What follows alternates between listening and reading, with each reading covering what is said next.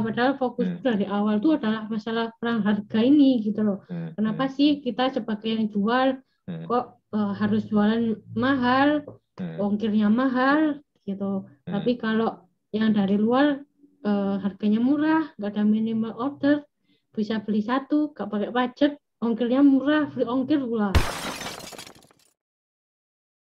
Welcome to Talk to Talk podcast. Let's talk now. Episode podcast kali ini kita kedatangan seorang ibu yang juga seorang entrepreneur namanya Vinda Febriana dengan online shopnya namanya Vindika dan di sekarang ini dia juga aktif membantu ibu-ibu para mami untuk membuat kerajinan tangan ya handicraft ya. Iya betul sama uh, jualan online. Sama jualan online juga. Apa kabar Vinda? Baik, baik Andri. Gimana Andri? Ya, baik juga. nah, Vinda ini di, kalau kalian lihat di Instagramnya dia, dia ini aktif sekali loh untuk membantu tadi seperti yang kita bicarakan di awal, membantu para ibu-ibu juga, khususnya para mami untuk jualan online, juga untuk membuat kerajinan tangan. Nah, sebenarnya yang jadi pertanyaan begini loh. Vinda ini memang jualan online dari kapan sih? Kalau benar-benar start dulu ngerintisnya 2011. 2011. Oh, dulu main lama juga ya, ya berarti ya 2011. Hmm. Itu memang Tapi baru punya baru punya e-commerce 2015. Hmm, zaman-zamannya marketplace udah mulai ini ya, banyak bertaburan di mana-mana ya. Baru belum kayaknya belum. Eh, oh. Uh, kalau marketplace-nya belum belum rame sih.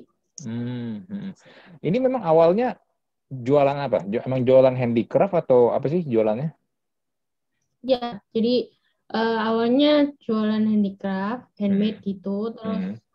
banyak yang tanya bahannya gitu. Hmm. Hmm. Jual bahannya enggak gitu, akhirnya jualan hmm. bahannya gitu. Jadi mulai 2011 itu uh, sampai 2015 itu awalnya jualan bahan souvenir. Jadi orang-orang yang mau nikah gitu bikin souvenir, uh, tanya uh, bahannya ada nggak gitu terus hmm. aku cariin terus aku jualin gitu tapi sejak 2015 itu um, lebih ke bahan aksesoris gitu kan memang beda ya bahan souvenir sama aksesoris hmm. gitu jadi sejak 2015 itu jualan bahan aksesoris sampai 2018 itu hmm. 2018 um, mulai bangun komunitas gitu hmm. namanya hmm. Momi Kreatif hmm. Momi Kreatif eh, kenapa aku bikin komunitas karena kan kalau aku jualan bahan banyak orang yang nggak tahu bahan ini tuh buat apa sih gitu hmm. jadi kan eh, nggak aware gitu otomatis kan aku harus uh, ngajarin mereka gimana caranya bahan ini biar jadi sesuatu biar hmm. terus bisa dijual gitu hmm. nah ternyata di komunitas itu setelah aku ajarin uh, cara bikinnya mereka bingung cara jualnya kayak gimana gitu akhirnya okay. aku ajarin juga cara jualannya gitu hmm. Hmm. itu komunitasnya berapa orang itu uh, totalnya sih tiga ribuan sih tiga ribuan tapi sekalian sama sama reseller juga karena kan aku hmm. uh, jualan bahan tadi itu mereka bikin terus uh, crafterku juga bikin terus kita jual do it yourself-nya gitu jadi uh, mereka yang nggak nggak apa ya cuman pengen simple nggak kepengen uh, mikir susah-susah beli do it yourself-nya terus mereka jual gitu hmm, hmm, hmm, hmm. kalian bisa jadi reseller juga hmm, jadi sebenarnya komunitas komunitas itu pun sebenarnya juga membantu penjualan lu juga sebenarnya kan hmm, hmm, hmm. Hmm. Jadi gimana tuh? So far mereka tanggapannya gimana tuh? Dengan 3.000 orang itu kan memaintain 3.000 orang susah loh. 3.000 orang. Iya.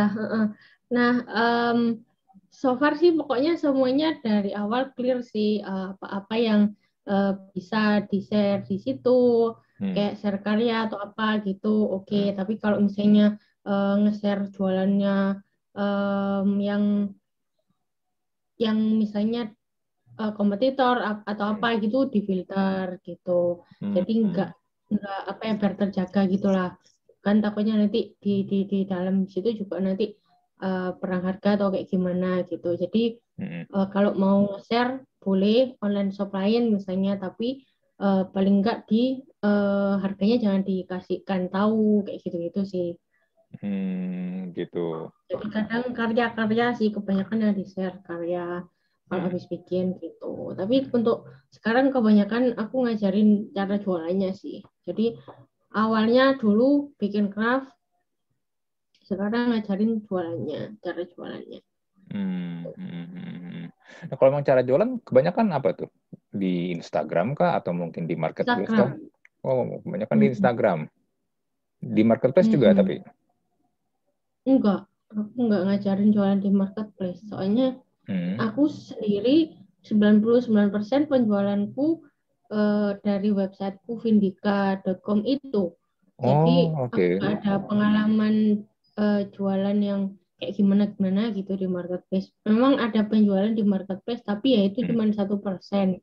Hmm. Uh, jadi aku nggak punya trik-trik atau apa gitu nggak ada sih. Kalau di hmm. marketplace benar-benar cuma ngupload gitu. Jadi kalau hmm. aku selama ini nggak pernah ngajarin mereka itu. Tapi kalau mau jualan di sana, monggo gitu, boleh. Pokoknya hmm. kalau aku syaratnya adalah harga harus sama dengan pusat gitu. Hmm. Jadi nggak boleh ada yang jual uh, lebih murah bahkan satu sen pun gitu. Hmm. Nah itu gimana? Jadi, jaga harga pasar. Hmm. Itu gimana ngejaga harganya itu? Karena karena gini loh, kadang-kadang kan kita mengontrol harga itu kan agak susah nih. Ini ini misalnya nih ya, apalagi di dunia yang semak digital sekarang ya, yang orang jualan online tuh udah di mana-mana ya. Barangnya sama. Si A misalnya jual harga sekian, Eh besokannya ngalam, besokannya ada lagi si B jual barang yang sama tapi harganya mungkin lebih murah, let's say 500 atau 1000 rupiah lah. Nah, nanti besokannya bisa juga si C juga jual barang yang sama dengan harga yang jauh lebih murah lagi. Nah, tapi itu kan kita susah mengontrolnya ya. Karena kan ya hak mereka juga apakah memang mereka mau main di margin tipis kah terserah mereka juga gitu loh kalau mereka memang merasa bisa ya. Tapi perang harga banting-bantingan harga itu gimana cara buat mengontrol supaya mereka nggak ikut-ikutan jual harga lebih murah ya? Nah, kalau aku aku edukasi sih dari awal memang ya. Mm-hmm. Jadi uh, pertama aku siapin semua fotonya sama videonya. Terus mm-hmm. semuanya aku kasih brand, tapi bukan brand Vindika, mm-hmm. tapi brandnya itu Moira Style. Jadi brand hmm. lain gitu hmm. Moira Style tadi itu nah semuanya wajib pakai brand itu di mana-mana nah nanti kalau misalnya ada yang jual di bawah uh, harga di tempatku nanti hmm. tak tolong ada yang lapor gitu jadi hmm. mereka jadinya jualannya semuanya standar kecuali kalau mereka mau bikin sendiri dengan bahan yang berbeda bentuknya berbeda hmm. eh, bahannya beda, semuanya beda, dan fotonya pun mereka ngefoto sendiri itu bisa pakai harganya mereka sendiri gitu. Jadi so far mereka nggak hmm. pernah eh, perang harga yang sampai benar-benar uh, head to head gitu karena hmm. secara foto beda, semuanya beda, bahannya beda, bentuknya beda gitu. Jadi hmm. fair-fairan sih. Oh kemarin aku jual ini harganya sekian, soalnya marketku um, sekian gitu. Jadi kayak misalnya di di Vindika itu harganya Eh, minimal 40.000 untuk hmm. produk ini misalnya. Nah, tapi mereka karena marketnya end, uh, end usernya itu uh, low uh, menengah ke bawah ya, hmm. uh, yang laku di aku 20.000 kak. Oh ya udah bikin kakak bikin sendiri aja pakai bahannya lebih murah gitu. Akhirnya dia bikin pakai uh, apa yang aku ajarkan kan di kelasku ada juga kan bikin-bikin uh, bros, bando hmm. gitu. Jadi mereka uh, belajarnya di aku, tapi bisa jadi mereka bikin sendiri dengan bahan yang lain yang lebih murah. Hmm. Tuh. Hmm. Jadi nggak nggak nggak ada perang harga. Hmm. Oh jadi kalau selama Vinda yang provide gambar dan desainnya segala macam itu harga pokoknya udah di set dari Vinda tuh ya nggak boleh diotak-atik ya. Tapi kalau nanti yeah. misalnya mereka mau foto sendiri atau mau bikin desain sendiri, itu lain cerita ya. Oh, Oke, okay. hmm. jadi ngejaga harganya begitu ya. Uh, terus karena hmm. mereka nggak ada yang nyetok sendiri, jadi hmm. nggak hmm. ada potensi rugi kan. Akhirnya kan nggak hmm. Nggak banding bandingan harga. Hmm. Karena kalau nggak nyetok kan mereka nggak rugi, otomatis walaupun mereka mau pakai foto sendiri malah yang ada mereka jualnya lebih mahal bukannya hmm. lebih murah tapi beda kalau misalnya mereka nyetok sendiri misalnya ada minimum order 1000 pieces gitu nah gimana caranya mereka biar laku kalau enggak lebih murah gitu sih Hmm, hmm. Berarti Vida ini hebat ya. Dia tadi kan bilang jualannya kan kebanyakan malah 99% dari website sendiri. Berarti sebenarnya trafficnya udah bagus.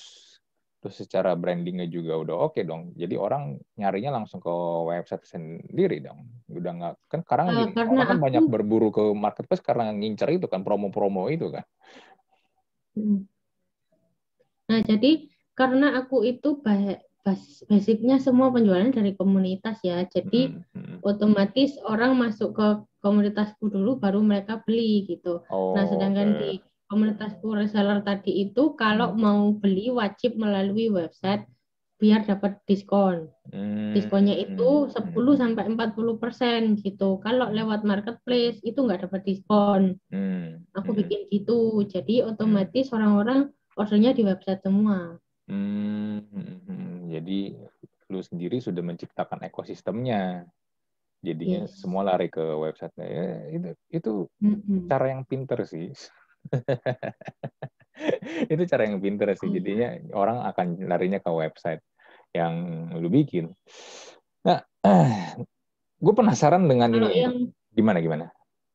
Kalau yang di marketplace ada, tapi pasti hmm. harganya jauh lebih mahal. Gitu. Hmm. Gitu. Kalau aku sih gitu. Hmm, gitu Jadi ya. mereka buat untuk end user beli ke marketplace hmm. dan nggak dapat diskon, paling mereka cuma dapat uh, free ongkir gitu. Hmm. Kalau di resellerku kan semuanya uh, semua diskon hanya berlaku jika order via website. Hmm. Gitu. Hmm. Hmm. Nah, seperti ada yang gue tanyakan, ini gue penasaran nih dengan beberapa konten Instagram lu belakangan. Coba ya gue share screen ya. Hmm. Nah, terutama yang ini nih. Nah, kalau yang dengerin podcast ini di audio, nggak ada tampilan di visualnya, bisa langsung ke Instagramnya Vinda, Adinda underscore Vinda. Atau ya lihat di YouTube Talk to Talk aja lah ya, kalau pengen lihat tampilannya. Nah, di sini ada konten judulnya begini, kecekik biaya admin gede biar kita makin mahal, biar mereka bisa jualan sendiri.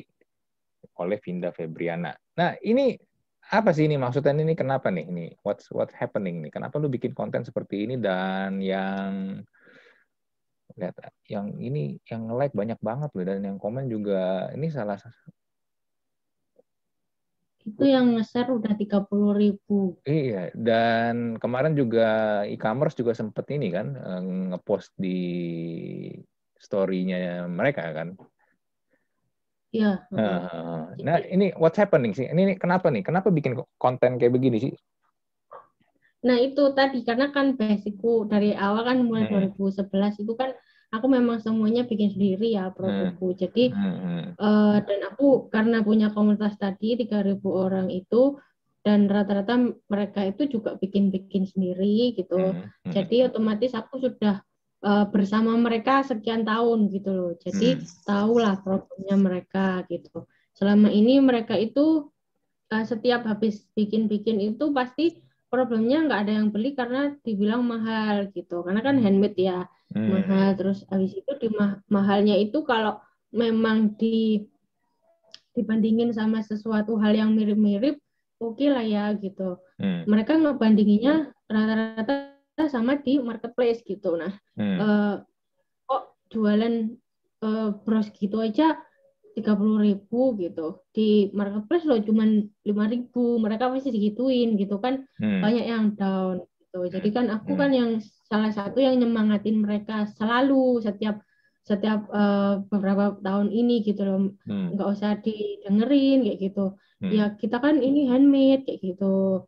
Aku coba edukasi-edukasi bahwa handmade itu ya memang uh, pakai tenaga. Harusnya kita bisa menghargai diri sendiri. Aku aku seperti itu. Tapi lama-lama edukasiku itu tetap kalah gitu loh. Hmm. banyak yang akhirnya menyerah uh, uh, akhirnya mereka nggak nggak nggak jualan lagi gitu banyak yang bahannya juga akhirnya mangkrak gitu nah karena selama ini eh, kadang-kadang uh, itu kita udah bikin uh, sering kali sih kita udah hmm, bikin hmm. tren-trennya itu kita yang bikin contohnya uh, bros-bros gitu ya hmm. kita bikin bros itu uh, harganya waktu itu standar 35 ribuan gitu 30 35 ribu hmm. tapi pasti nggak bertahan lama maksimal satu bulan gitu loh hmm. setelahnya itu pasti langsung hancur harganya kita mau jual 30 ribu pasti langsung dibandingin gitu sama screenshotan yang lain ini di sini harganya sekian gitu hmm. nah sayangnya di di marketplace banyak banget yang jual mirip-mirip sama punya kita gitu hmm. harganya jauh lebih murah ya sepuluh ribu eh, lima belas ribu bahkan kalau yang fungsinya sama tapi bahannya berbeda ada yang benar-benar sampai lima ribu gitu hmm. loh. Hmm. Sedangkan orang awam kan yang penting yang dilihat kan fungsinya toh. Hmm. hmm. Jadi uang sama-sama bros aja loh. Dibandingin kadang itu antara 30 sama yang 5000 itu tadi gitu loh. Hmm. hmm. Sedangkan yang 5000 tadi itu eh, beberapa itu memang aku lihat eh, seller asing yang jual gitu. Nah, hmm. eh, jadinya kan eh, makin lama bertahun-tahun seperti itu. Nah, ya dari situ uh, di sisi lain mereka kan beberapa orang kan jualan di situ hmm. uh, sebentar. Nah, sedangkan konsumen hmm. kalau mau beli kalau memang ada yang murah pasti lari yang murah dong gitu. Hmm. hmm. Terus selain murah uh, kalau dari seller asing itu uh, ongkirnya murah sekali cuma 12.000 gitu. Hmm. Nah, sedangkan kita sebagai seller di Indonesia eh, dari orang Kalimantan mau beli ke Jawa, hmm. ongkirnya bisa 40 50 ribu. Hmm. Tapi kalau beli ke sana langsung cuma 12 ribu gitu. Dan memang penjualan dari sana, mestinya dari seller-seller sana banyak yang eh, penjualnya udah banyak, seribu, dua ribu kayak gitu. Hmm.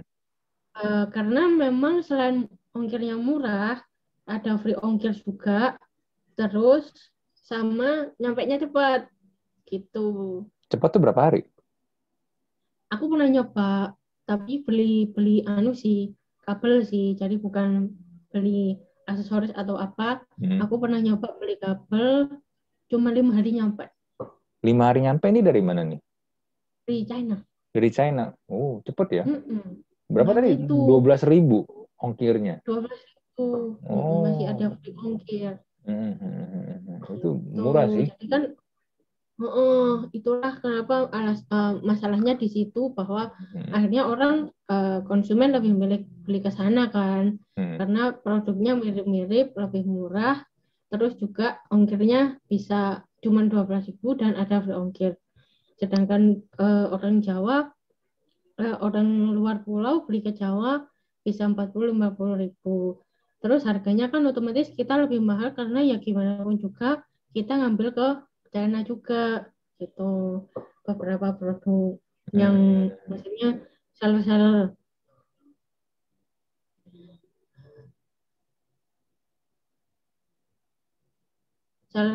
seller-seller kita banyak juga yang beli produk dari China hmm. terus kan dijual. Hmm. Nah, dijual di sini otomatis kan masih ada butuh margin gitu hmm. kan. Hmm.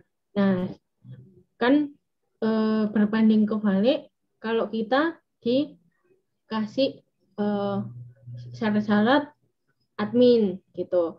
Biayanya sekian sekian sekian.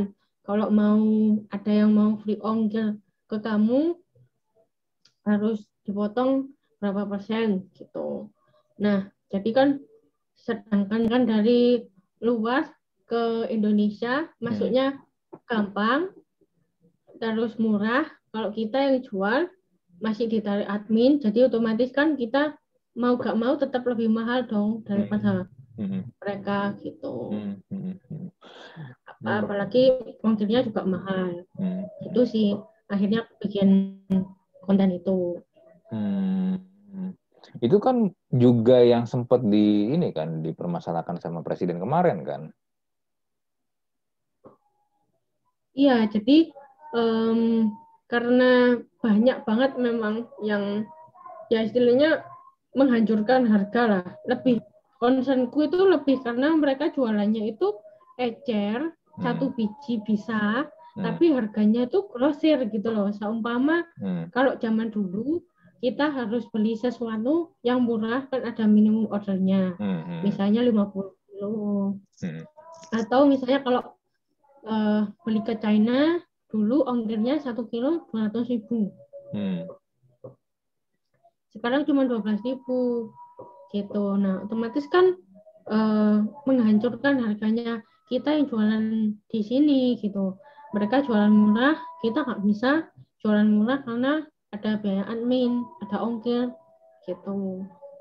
Nah, uh, presiden kan merasakan juga mungkin banyak yang komplain ya, hmm. uh, karena memang asingnya banyak banget, sedangkan kita kan UMKM banyak juga yang merasa gimana ya, kita tuh jualan eh, harganya wajar tapi banyak hmm. orang yang milih beli ke sana gitu loh. Hmm. Nah, sedangkan mungkin Pak Presiden masih belum nggak bisa ngasih kebijakan karena kan itu pasti sesuatu hal yang nggak gampang gitu berhubungan sama negara orang gitu kan. Hmm. Jadi uh, Pak uh, Pak Jokowi cuman bilang benci produk asing cuman gitu Hmm. Karena ya gimana mungkin kalau mau mau ngadain kebijakan saat itu juga kan panjang masih an gitu loh hmm, harus hmm, hmm. mungkin ya regulasi lah gitu. Hmm, hmm. Hmm, gimana ya? Kalau bilang memang harganya lebih murah, otomatis buat orang-orang terutama yang lebih mementingkan ya yang mana lebih murah itu yaitu yang gue beli mereka pasti akan nyari yang lebih murah. Itu itu udah udah udah hukumnya udah begitu. Nggak nggak bisa kita lawan. Itu tuh udah susah banget gitu loh. Apalagi kalau diberikan dengan option yang kurang lebih sama ya. Kayak tadi misalnya bro bros dua barang kurang lebih sama mirip dan mereka biasanya orang-orang yang mementingkan harga ini nggak terlalu mentingin kualitas juga sih. Value juga mereka nggak terlalu pentingin. Yang penting ada lebih murah ya udah gue beli yang ini. Nah jumlah orang yang kayak begini ini biasanya lebih banyak. ya kan? Setuju kan? Jumlah orang yang begini lebih lebih banyak. Dibandingkan orang yang memang sadar atau aware dengan value ya. Mereka sadar ini value-nya ada di sini, oh ini handmade atau mungkin juga mereka menghargai orang yang dibalik yang bikin ini kerja gimana. Mereka mungkin akan lebih berani bayar lebih mahal. Ya tapi balik lagi jumlah orang kayak begini lebih sedikit dibandingin orang-orang yang lebih pentingin yang penting gue dapat murah nah tapi gimana ya ini kalau kayak begini caranya nih ini sebenarnya nggak cuman di Indonesia doang sih di, negara-negara lain kan juga ngalamin hal yang sama kan. Mereka banyak banget diserbu produk-produk dari China tapi ya nggak bisa nandingin lebih murahnya gimana biar gimana pun. Kayak handphone aja merek-merek kayak Xiaomi dan kawan-kawan itu udahlah mau mau biar gimana pun tetap mereka bisa kasih harga murah dengan ya kualitas ya kualitas oke okay lah gue masih bisa bilang kualitas oke okay lah kalau kita mau ngomongin kita mau nyari spek ya. Kalau kita mau nyari value atau mau nyari brand value ya itu itu ya jangan inilah jangan handphone mereka lah. Cari handphone handphone yang merek-merek yang emang flagship. Tapi ini gimana gimana gitu solusinya kalau mau supaya menghadapi situasi ini gitu loh. Ini kan butuh apa ya perbaikan dari banyak sektor. Ini kan gak cuma cuma satu sektor doang. What what, what ya, do you betul. think about this?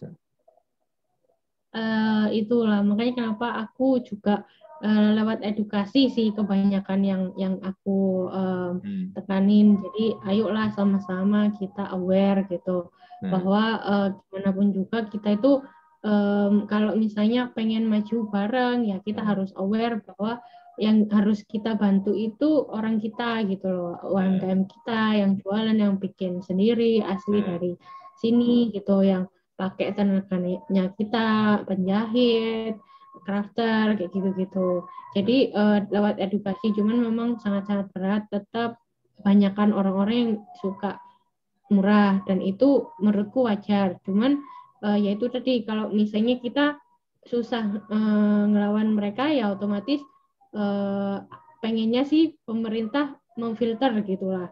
Paling nggak nggak parah-parah banget gitu loh ada kebijakan-kebijakan gitu. Hmm. Misalnya hmm. kalau mau impor ya ongkirnya dimahalin kayak gitu. Soalnya dari Jawa ke Kalimantan aja lima puluh ribu ke Papua seratus ribu gitu. Nah ini hmm. dari China ke mana-mana tetap standar semuanya dua belas ribu gitu loh. At hmm. least uh, di dimahalin kayak kalau dari sana gitu. Hmm. Atau minimal ada minimum order kayak zaman kemarin-kemarin kan setiap kita mau impor itu misalnya pengen harga murah harus beli berapa minimumnya ada hmm. MOG-nya 100 atau hmm. mungkin 1000 kayak gitu. Hmm.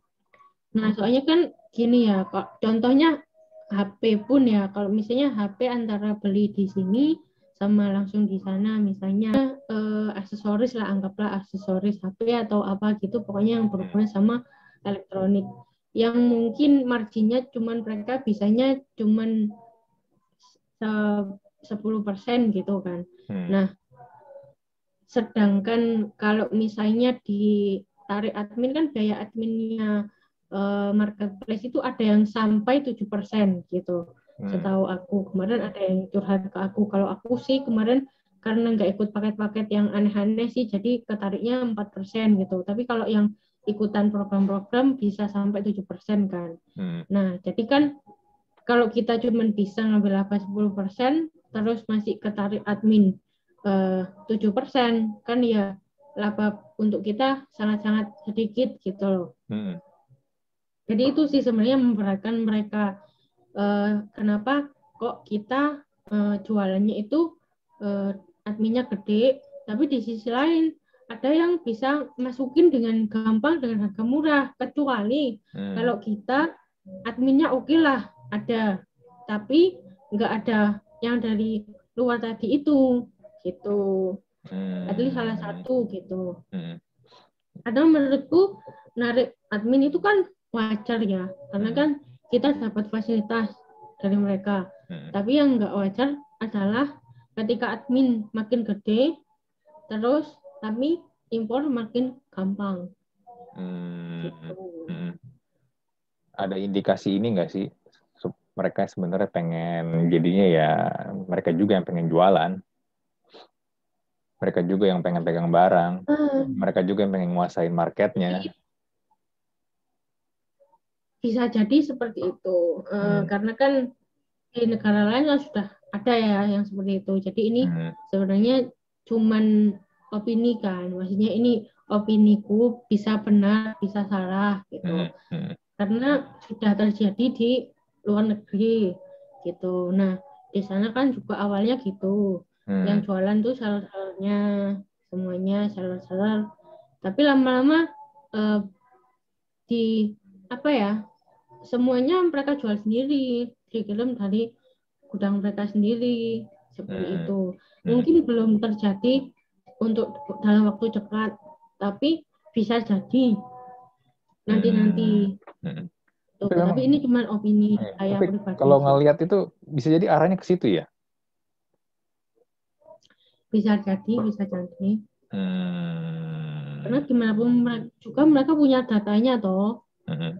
Hmm. Hmm. Uh, ya di satu sisi sebenarnya nggak bisa nggak bisa nyalain mereka juga karena mereka sebagai institusi bisnis ya mereka berhak untuk mencari apa yang memang paling efektif buat mendapatkan revenue buat perusahaan mereka kan. Tapi hmm. mungkin yang gue lihat di sini adalah begini loh, mereka menciptakan ketergantungan terhadap platform-platform tersebut. Itu yang bikin yang seller-seller kecil-kecil ini nih jadinya tuh merasa berat. Karena mereka udah merasa nyaman, udah jualan di situ, dapat jualan banyak di situ, dapat income di situ, tapi ketika sistemnya peraturannya pelan-pelan dirubah demi kepentingan yang punya marketplace-nya, ya otomatis si yang jualan, orang-orang yang jualan kecil-kecil ini jadi merasa, kok gue merasa kayak makin lama makin tersisi nih, makin nggak diprioritasin nih dari tempat ini. Dan ya efek ketergantungan ini sih yang menurut gue nih ini ini ini sebenarnya ya kalau menurut gue nih kayak misal lu lu bikin website sendiri sebenarnya gue lebih setuju begitu sih ya jadi kita nggak bergantung nggak bergantung terhadap satu platform atau sistem. Jadi ketika sistemnya ini misalnya let's say nggak ada atau tiba-tiba hilang atau tiba-tiba merubah sistem dan lebih merugikan kita, kita mau ke mana? Itu kan kayak jadi menghilangkan tempat kita cari duit kan sebenarnya kan kalau kalau kayak gitu kan. yes. Hmm. Yes, betul. Jadi memang sebaiknya itu kita nggak bergantung sama platform tertentu ya. Jadi se contohnya nih contohnya aku dulu dari 2011 hmm. sampai sekarang eh, 2021 itu platformnya kan ganti-ganti terus gitu loh tapi hmm. kan tetap bertahan dan eh, makin meningkat gitu loh karena hmm. aku nggak pernah bergantung pada sebuah platform sama sekali gitu nah eh, dari awal dulu zaman PP juga aku juga bikin grup di PP gitu hmm. mereka aku uh, itu sendiri aku ada database-nya di hmm. PP-nya hmm. terus uh, zaman-zaman landing page juga aku list building ya landing page jadi aku punya dat apa uh, list buildingnya sendiri terus aku arahin ke grup ke komunitas hmm. jadi aku uh, punya database-nya sendiri juga di komunitas itu um, nggak nggak bergantung sebuah platform yang uh, apa ya istilahnya cuma satu doang gitu enggak. Hmm. Jadi ketika hmm. hmm.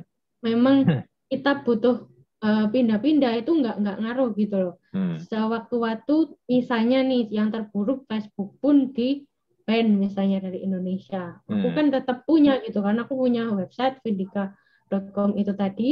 Hmm. Uh, mereka udah biasa uh, jualan di situ karena uh, ekosistem di tempatku aku ajarkan untuk hanya uh, order di tempatku tadi gitu nggak berlaku order di tempat lain seperti itu hmm. jadi uh, menurutku kenapa sih aku uh, ngajarin mereka untuk jualan nggak bergantung ke marketplace ya karena takutnya kayak gitu sewaktu-waktu kita digantikan kita hmm. masih bisa hidup gitu hmm. Hmm. Hmm. Hmm. itu sih maksudnya awalnya itu kayak gitu hmm. dan di konten lo yang lain lo juga sangat ini ya aware banget dengan dan pakai istilahnya apa penjajahan digital ya. ya gimana ya kalau penjajahan digital ya? Mungkin kita secara nggak sadar sebenarnya kita udah dari kapan-kapan udah dijajah dalam tanda kutip ya secara digital sih. Nggak cuma marketplace ya. Sosial media atau mungkin juga ya dengan ya begini deh kita pakai handphone kita pasti nggak bisa lepas dari namanya Google lah Iya kan, kita kita udah nggak bisa lepas dari itu. Karena biar gimana pun kita sudah di set sedemikian rupa supaya kita akan tergantung dengan platform tersebut. Nggak bisa nggak bisa enggak gitu. Iya sih, uh, kalau itu um, PR banget sih memang ya.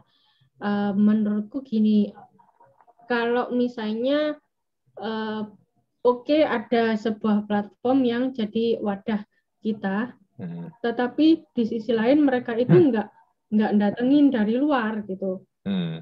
Itu it's okay karena uh, kalaupun mereka yang namanya data mining itu kan udah umum ya di mana-mana bisa hmm. bisa memang itu yang dilakukan di mana-mana cuman at least uh, nggak terus dibombardir sama sama produk luar gitu karena hmm. ada beberapa yang kita tahu uh, marketplace yang lainnya kan nggak seperti itu gitu loh. Hmm. Jadi um, nggak nggak apa ya kita jualan tapi nggak dibombardir sama produk asing gitu loh. Bener mereka punya datanya kita tahu apa yang laris, uh, tapi yang ngisi ya orang-orang kita sendiri gitu. Yang ngisi hmm. orang Indonesia sendiri, seller kita sendiri kayak gitu. Hmm. Nah sayangnya kalau kalau digunakan untuk sebagai kesempatan nih uh, dibukalah seluas-luasnya untuk impor tadi itu hmm. ya jadinya data yang ter apa ya terkolek tadi hmm. kita juga gitu loh gampang banget oh kelihatan dong ini yang laris ya udahlah kita jualan uh, langsung aja yang laris yang lagi laris gitu hmm. belinya langsung ke mereka itu sih yang yang yang, yang maksudku uh, penjajahan digital itu itu tapi kalau misalnya memang ada ya syukur-syukur di stop lah di stop ya mungkin nggak nggak nggak se apa ya orang-orang nggak sesakit hati ini juga gitu Hmm. Jadi sebenarnya aku tuh nulisnya tuh cuman karena apa ya kayak semacam aspirasi aja. Hmm. Uh, tapi ya, rame ya, loh. sebenarnya. Tapi opini. rame loh. Konten lu yang itu. Aku nggak tahu. Beberapa postingan itu rame loh. aku sendiri yang nggak nyangka banyak hmm. yang ngepost dan itu kan artinya yang mengalami hal yang sama bukan cuma aku ternyata gitu loh. Hmm. Jadi hmm. aku kan nggak nyangka cuma namanya bikin konten ya kan kita sama-sama di IG microblog kan tahu ya maksudnya hmm. microblogging kan ya udah pokoknya bikin konten gitu. Hmm.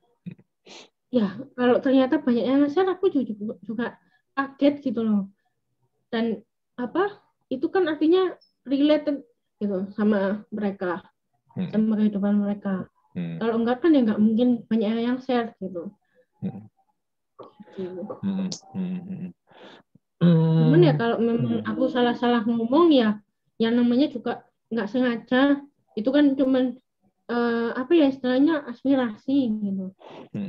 Ya jadi kalau ada salah-salah ya aku minta maaf gitu. ya sebenarnya gimana ya? Menurut gua konten lu konten lu nggak salah ya. Kayak tadi lu bilang lu, lu menyampaikan aspirasi kan. Lu menyampaikan mungkin keresahan lu lah. Ini kayak ada sesuatu yang mungkin menurut lu something wrong nih. Dan mungkin banyak orang nggak aware dan lu mengajak orang coba coba yuk kita lihat lagi nih kita coba belajar untuk kritis kita lihat ini ada ada sesuatu nih. Takutnya takutnya kan takutnya ini akan terjadi dalam waktu dekat atau mungkin ya masih lama tapi ya jangan amit-amit jangan sampai kesampaian lah. Kalau misalnya kita nggak aware.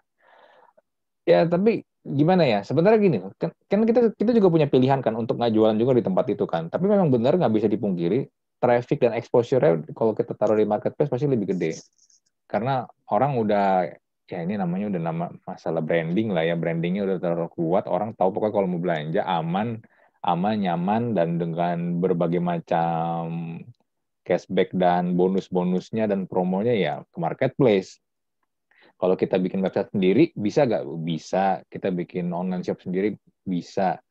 Tapi apakah kita punya budget marketing dan resource sebesar mereka atau enggak? Itu yang mungkin akan berat banget sih. Apalagi kalau nggak ngerti ya. Karena gini loh, gue, gue juga masih menemukan ternyata masih banyak orang yang berpikir ketika mereka bikin online shop atau mungkin taruh di marketplace, di upload, mereka berpikir orang akan pembeli akan langsung datang dengan sendirinya. Padahal kan nggak nggak nggak begitu caranya kan. Nggak begitu caranya kan. Butuh butuh effort lagi, butuh butuh gimana kita ya kalau misalnya ngomong tentang marketing flow-nya dari kita bikin iklan, promosi, kita bikin public relation mau gimana, kita mau publisitasnya gimana, brandingnya gimana, nanti kita mau salesnya gimana, ya itu kan semua harus dipikirin kalau memang benar-benar pengen ini ya pengen bener-bener jalan tapi kan banyak orang nggak nggak ngerti mereka berpikir dengan menaruh itu di Instagram atau misalnya di sosial media mereka berpikir udah melakukan yang namanya digital marketing tapi kan nggak kayak gitu kan iya betul um, itu juga sih yang jadi apa uh, apa ya aku konten-kontenku sebelumnya kemarin-kemarin itu kan hmm. sebenarnya bahas itu hmm. bahwa jualan itu nggak sesimpel itu. Hmm. Jadi kalau di IG itu juga ada prosesnya, ada brandingnya, ada um, edukasinya juga, dan uh, kita perlu narik juga ke misalnya komunitas atau list building kayak gitu-gitu. Hmm. Nah itu sih yang uh, aku ajarkan uh, karena uh, kalau kalau misalnya kita cuma ngupload doang gitu ya, itu kan sama aja kayak kita contohnya kita punya etalase terus hmm. kita hmm. taruh aja di pinggir jalan gitu. Hmm. Ya orang lalu lalang sih, cuman ya belum tentu ada yang beli kan gitu. Betul. Karena kan mereka nggak tahu itu hmm. etalase apaan sih gitu kan nggak ngerti itu kamu jualan apa nggak ngerti gitu. Hmm. Mereka cuma ngupload doang uh, sama aja kayak ya udah di beber udah terus nggak ada orangnya nggak ada demonya tapi kan beda ketika misalnya kita jualan uh, panci lah gitu hmm. panci uh, taruhlah di atas uh, meja gitu terus kita edukasi mereka oh panci ini kalau dikasih ini nggak leket loh kalau di ini uh, lebih apa mateng loh kalau dikasih ini ternyata nggak minyakan loh atau kayak gimana gini gimana hmm. terus dikasih juga resepnya resepnya kayak gini loh ibu-ibu kalau mau masak enak gitu enaknya nanti pakai ini itu minyaknya nggak bleber atau apa whatever itu nah itu hmm. uh, barulah mereka tertarik untuk beli gitu jadi hmm. uh, sebenarnya sih mendingan kayak gitu stepnya jadi fokusnya itu ke uh, toko kita ke branding kita dan tempatnya ya terserah kita mau jualannya di mana gitu jadi hmm. nggak cuma bergantung dari traffic salah satu uh, platform aja jadi di mana-mana ada mau pindah-pindah tetap bisa. Yang penting kita marketingnya itu uh, paham flow-nya kayak gimana. Nah, terus untuk masalah ini uh, marketplace ini uh, tadi aku baru saja dapat info dari ada salah satu kan kemarin aku banyak di interview sama media-media kan hmm. media-media mereka itu bilang uh, sebenarnya uh, pemerintah sama marketplace sendiri itu habis dengar ini sekarang mereka lagi arrange kebijakan gitu. Hmm. Jadi ya semoga nanti kebijakannya bisa segera terrealisasi. Ada salah satu kebijakan kayaknya udah mau dirilis eh, kayaknya hmm. dalam minggu-minggu ini. Cuman uh, masih belum bisa di, di diumumin sekarang karena kan masih hmm. internal kan itu. Hmm. Jadi uh, aku rasa um, ya dari kontenku at least uh, bisa nyampe lah ke mereka akhirnya bisa ada kebijakan itu gitu. Hmm. Kalau nggak nggak ada yang bersuara kan nggak ada kebijakan gitu. Otomatis kan makin ke mana-mana perang harganya gitu. Hmm. Di di platform uh, tersebut jadi um, bisa jadi kalau nggak ada kebijakan kan makin malah ke mana-mana makin uh, yang seller asingnya lebih banyak kayak gitu-gitu sih ditakutkannya kalau nggak ada yang bersuara gitu jadi at least hmm. uh, habis dari kontenku viral itu jadinya beberapa hubungin aku hmm. ada juga yang tadi bilang katanya ada yang mau ngomong ke Menteri Perdagangan kayak gitu-gitu sih terus beberapa media juga uh, bilang seperti itu uh, mereka udah mendengar dan mau ada kebijakan gitu. Hmm, hmm, hmm. Lu mm, ini nggak sih pernah menyangka nggak sih dari konten yang lu post itu bisa viral dan ya mudah-mudahan nih ya mudah-mudahan nanti ini gue nggak tahu kapan mungkin nanti setelah ini gue publish podcastnya mungkin aja udah kebijakannya udah berubah udah udah ini udah terjawab ya aspirasi lu lu pernah hmm. pernah menyangka nggak sih ini kalau lu bikin konten gini viral dan ya let's say bisa bikin perubahan lah Enggak banget, soalnya kan aku memang dari dulu suka ah. nulis gitu. Uh, uh, Tapi tulisan lu bagus sih. Kenapa? Tapi tulisan lu bagus sih. Jadi aku memang suka nulis sih dari SD. Teman-temanku mm -hmm. waktu SD itu suka uh, baca tulisanku jadi hmm. di di binder-binder gitu kan nulis-nulis hmm. gitu jadi hmm. memang suka dari dulu yang nggak nyangka aja yang yang yang ini kemarin sampai ke mana-mana sampai ada yang ngepost di akun gosip di mana-mana pokoknya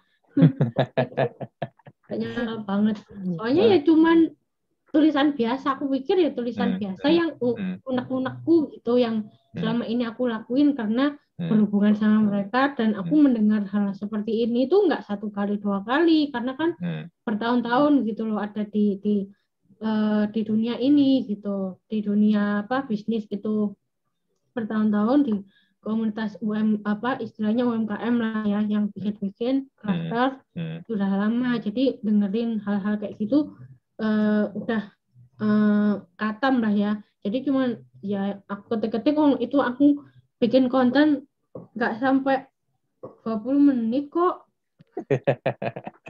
nggak sampai 20 gak menit. Sampai 20 menit tapi impactnya gila ya. Kalau hmm. tadi tadi lu bilang berapa? 30 ribu orang yang share itu banyak loh. iya, itu yang di aku doang. Hmm. Yang di Twitter katanya udah nyampe puluhan ribu juga. Iya. Yeah. Oh, di, di, di, di Twitter ini ngambil screenshot dari Instagramnya. Hmm. Mm -mm. Punya aku. Cuman yang aku sebel beberapa dipotong-potong sih. Oh, iya, potong-potong disambung-sambungin sama yang kemarin heboh kurir itu. Jadi hmm. pada eh, responnya beda padahal fokus hmm. dari awal tuh adalah masalah perang harga ini gitu loh hmm. kenapa hmm. sih kita sebagai yang jual hmm. kok uh, harus jualan mahal hmm. ongkirnya mahal gitu hmm. tapi kalau yang dari luar uh, harganya murah nggak ada minimal order bisa beli satu gak pakai pajak ongkirnya murah free ongkir pula gitu. Hmm, hmm, hmm, hmm. ya kalau dipotong-potong mah itu mah nggak heran lah. Sering kayak gitu. Makanya gue kadang-kadang kalau kayak gue sendiri kalau konten podcast yang memang agak-agak sensitif suka gue kasih timer di YouTube kalau yang buat di video ya. Gue kasih timer biar kalau orang mau motong-motong nah udah ada timernya nih. Ya pantas ya kalau dari Kobusya itu pasti ada timernya fungsinya hmm. untuk itu berarti ya iya kamu kalau dipotong-potong ini soalnya ya gitulah kita nggak pernah tahu konten kita tuh diapain sama orang lain karena kan kita udah publish hmm. nih kita udah publish nih kadang-kadang ada yang ada yang mereka download mereka upload lagi mereka hmm. potong-potong sesuai dengan kebutuhan mereka sendiri buat bikin konten lagi ada yang kayak gitu atau mungkin juga mereka cuman buat apa nih yang kita kita nggak pernah tahu lah kita kita nggak pernah tahu makanya kadang-kadang kita juga harus hati-hati juga sih kalau bikin konten yang memang isunya memang sensitif ya atau melibatkan iya. orang lain sampai nah. ada loh yang bilang uh, intinya kayak aku tuh anti anti impor, anti produk impor atau anti platform impor, gak boleh pakai Facebook, gak boleh uh, kayak gitu-gitu kan itu sesuatu hal yang jauh-jauh berbeda dengan apa yang aku uh, aspirasikan gitu loh. Kok jadi ke mana-mana gitu. Ya, karena uh, karena kan ngeliat mereka, uh, karena mereka ngeliat mungkin cuma sepotong-sepotong. Mereka hanya melihat kontennya doang dan sepotong-sepotong tanpa melihat secara konteks keseluruhannya tuh sebenarnya apa sih yang lagi sedang mau dibicarakan? Ya sering lah iya. kalau di apalagi netizen sini sering banget kayak begitu.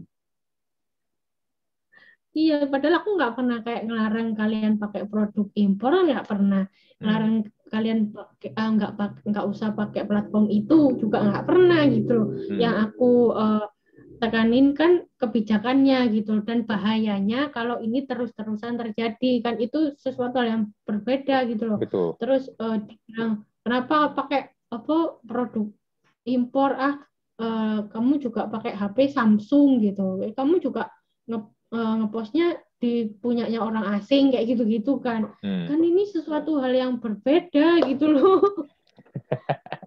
yang yang diurusin harganya sama hmm. seller asing yang jualannya gampang, impornya hmm. gampang. Hmm. Akhirnya kan ada efeknya di situ. Efeknya adalah me, uh, bikin UMKM susah jualan. Nah, kalau kayak misalnya Samsung kayak gitu kan mau hmm. jualan di sini lah mau nyaingin siapa emangnya di Indonesia udah ada HP-nya gitu hmm. kan belum ada HP-nya kan nggak nggak merusak harga uh, eh, HP di Indonesia gitu loh. Di Indonesia belum ada produk itu, kenapa terus kita pakai Samsung nggak boleh gitu kan lucu gitu loh.